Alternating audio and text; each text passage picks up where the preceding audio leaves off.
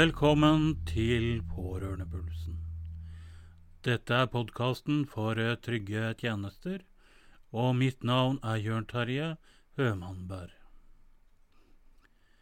For de som ikke kjenner meg fra før, så har jeg vært pårørende til min mor, som var syk i mange år før hun døde.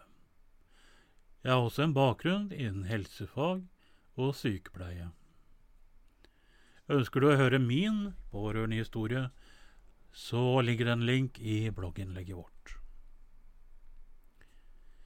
I denne sammensatte verden av helse- og velferdstjenester så kan en individuell plan, en IP, skape orden i kaoset.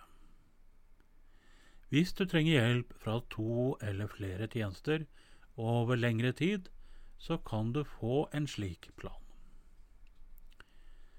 Mestring.no, nasjonal kompetansetjeneste for læring og mestring innen helse, har laget et hefte med en enkel oversikt over hva en slik plan er.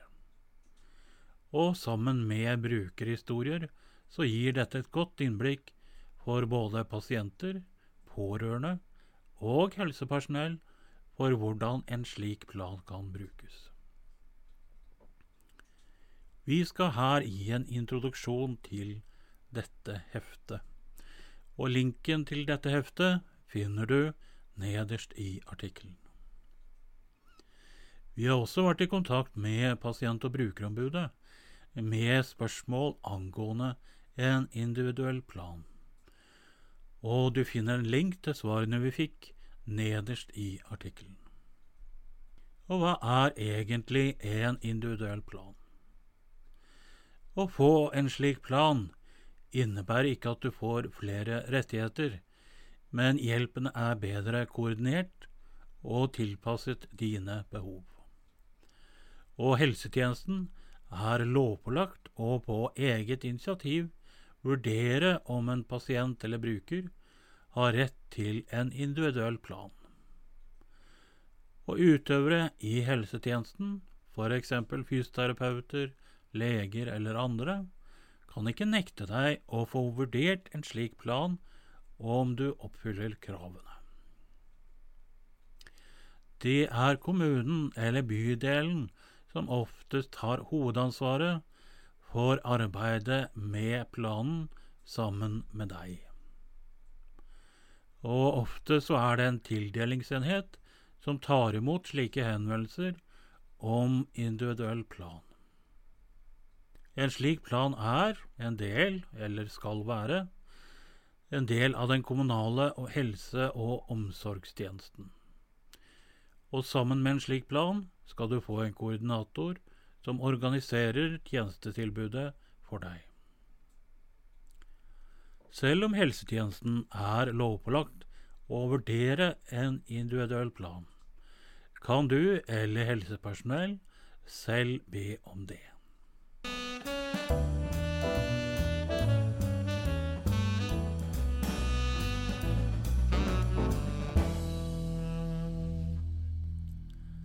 Så hva innebærer det å få en slik plan?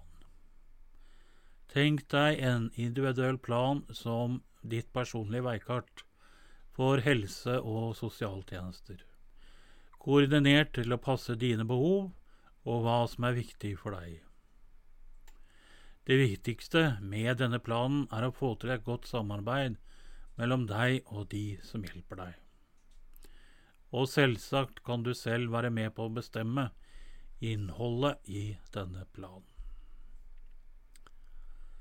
Og planleggingen, den handler om hva du trenger hjelp til, hvem som skal bistå deg, når de skal gjøre det, og hvordan. Og her kommer noen konkrete eksempler fra heftet til mestring.no. For det første har vi Martha, en 55 år gammel tidligere bibliotekar som kjemper med psykiske problemer og ettervirkninger av et hjerneslag. Hennes plan inkluderer tverrfaglig assistanse og reflekterer hennes ønske om selvstendighet og verdighet i hverdagen.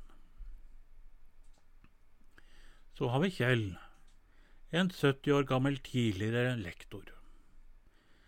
Han står overfor utfordringer etter et hjerneslag, inkludert språkproblemer og fysisk funksjonshemming.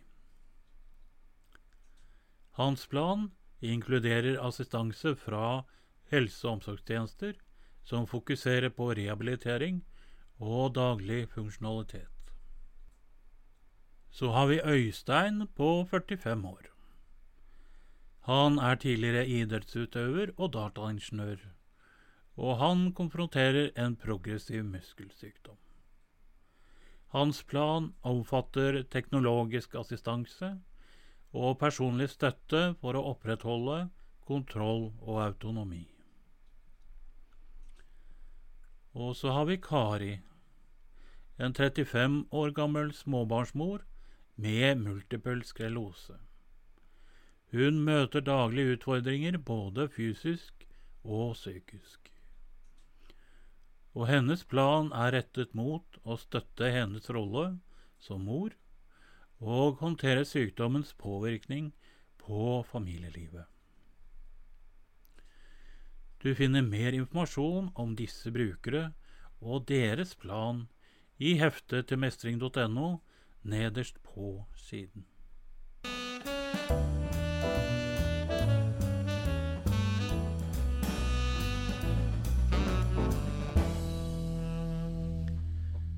Og slik skapes din plan. Det er som sagt kommunen eller bydelen som oftest har hovedansvaret for arbeidet med planen sammen med deg. Ofte er det en tildelingsenhet som tar imot slike henvendelser om en individuell plan.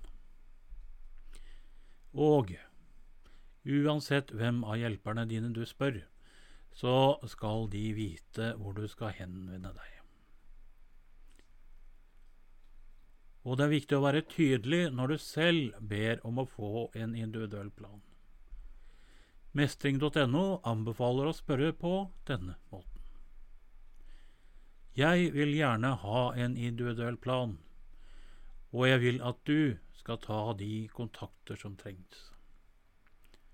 Dette kan du si da til noen i helse- og omsorgstjenesten. For at en slik plan skal fungere, så trengs det god forståelse og samarbeid mellom deg og med fagfolkene. Og vi snakker her om en gjensidig respekt, forståelse og en vilje til å jobbe sammen for å nå dine mål. Og mestring.no kommer med følgende råd. For det første til fagfolk. Før en åpen og ærlig dialog. Vis empati og forståelse for brukerens unike situasjon. Kom med løsninger som passer brukerens spesielle behov. Og så til brukerne. Vær klar og tydelig om dine behov og ønsker. Jo mer konkret du er, jo lettere er det å hjelpe deg. Engasjer deg, del tanker og meninger. Vær åpen for nye forslag og tilnærminger. Så til slutt noen spørsmål du kan tenke på før du eventuelt har et møte om en slik individuell plan. Hva er viktigst for deg å få gjort noe med først?